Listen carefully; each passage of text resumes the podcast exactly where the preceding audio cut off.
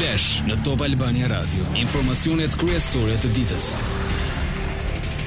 Përshëndetje, këto janë lajmet e orës 16.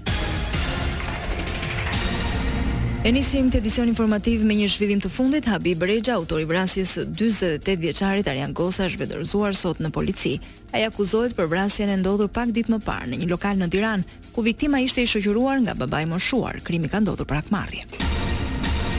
Shqipëria dhe Anglia finalizuan mbrëmë një marrëveshje për vuajtjen e dënimit të mbetur në Shqipëri të të dënuarve shqiptarë në Mbretërinë e Bashkuar. Një zëdhënës i Ministrisë së Drejtësisë angleze i konfirmoi gazetarit të Top Channel Muhamed Veliu se është arritur marrëveshja e cila do çojë përpara akordin e dy mijë e njëzetës nënshkruar nga ish-ministrja e Drejtësisë, Etilda Gjonaj.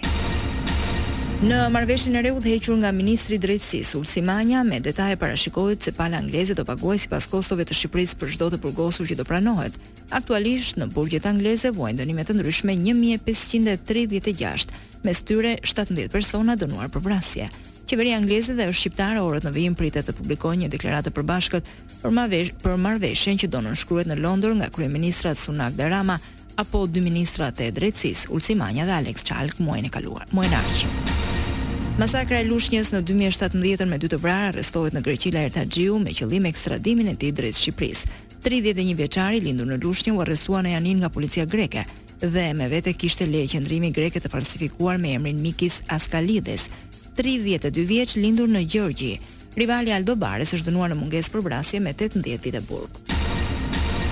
Në dy mijë e shtatëmbëdhjetën u vranë Zamir Latifi dhe Jurgen Hoxha, por Laert Haxhiu dhe grupit të tij i shpëtoi shënjestra, Xhulio Shkurti, nipi i Aldo Bares, kreu i bandës së Lushnjes. GKK-o ka dënuar me burgim të përjetshëm Orges Bilbilin dhe Anterio Kaloshin, shpallur fajtor për vrasjen e Zamir Latifit dhe Jurgen Hoxhës, si dhe plagosjen e Bujar Turkut dhe Marius Xhepexhiut në Lushnje. Në Komisionin e Ekonomisë u miratua projektligji për rritjen e pagave për institucionet kushtetuese. Projektligji nxiti debat pasi deputetët kërkojnë rritje page. Sipas parashikimit të qeverisë në këtë fazë, rritja e pagave nuk duhet të prekte ministrat, kryeministrin apo deputetët, por deputetët e Komisionit të Ekonomisë me propozim të Komisionit dhe të Ligjeve propozuan dhe miratuan rritjen e pagës edhe për veten e tyre. Besnikët e Sali Berishës kanë mbyllur sytë për disfatën elektorale të 14 majit dhe askush nuk flet për dorëheqje, Belind Këlliçi. Nuk e di se si mund të lidhet reflektimi me dorëheqjen. Reflektim do të thotë ne do duhet të shohim çfarë nuk ka shkuar mirë brenda nesh. Në lidhje me lidershipin, mjafton t'i referoheni statutit të Partisë Demokratike dhe i merrni përgjigjet.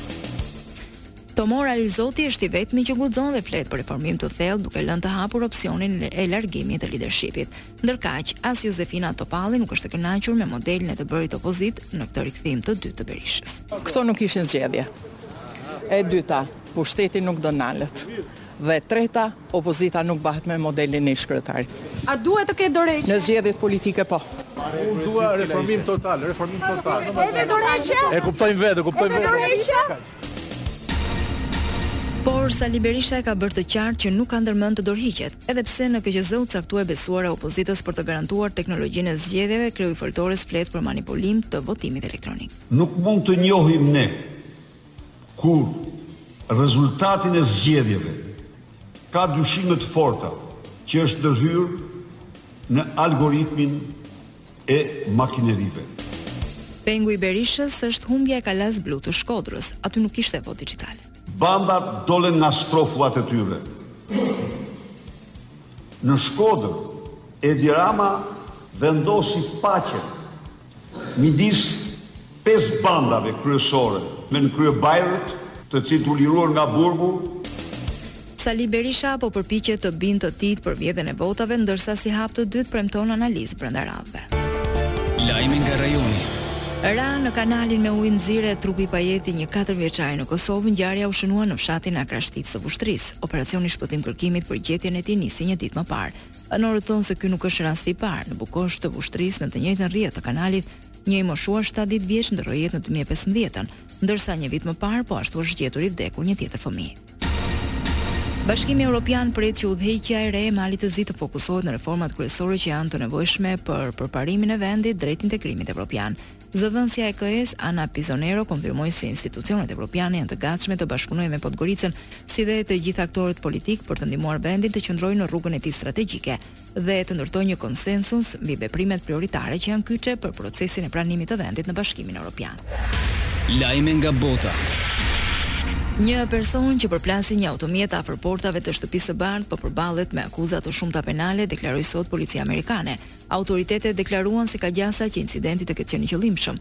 I dyshuari akuzohet për kërcënim me vrasje, rrëmbim apo shkaktim i lëndimeve ndaj presidentit, nënpresidentes amerikane, apo familjarëve të tyre, autoritetet nuk kanë bërë të ditur identitetin e tij. Kryeministri rus ndodhet në Shangai ku po merr pjesë në forumin ekonomik në kuadër të një vizite dyditore gjatë të cilës do takohet dhe me presidentin kinez Xi Jinping. Mikhail Mishustin pritet të marrë pjesë në forumin e biznesit ruso-kinez, ku dhe janë planifikuar bisedime me përfaqësues të qarqeve të biznesit. Kina është bërë blerësi më i madh i Rusisë në sektorin e energjisë vitin e kaluar, duke e lejuar kështu Moskën të shmangte një kolaps në eksportet e saj të gazit.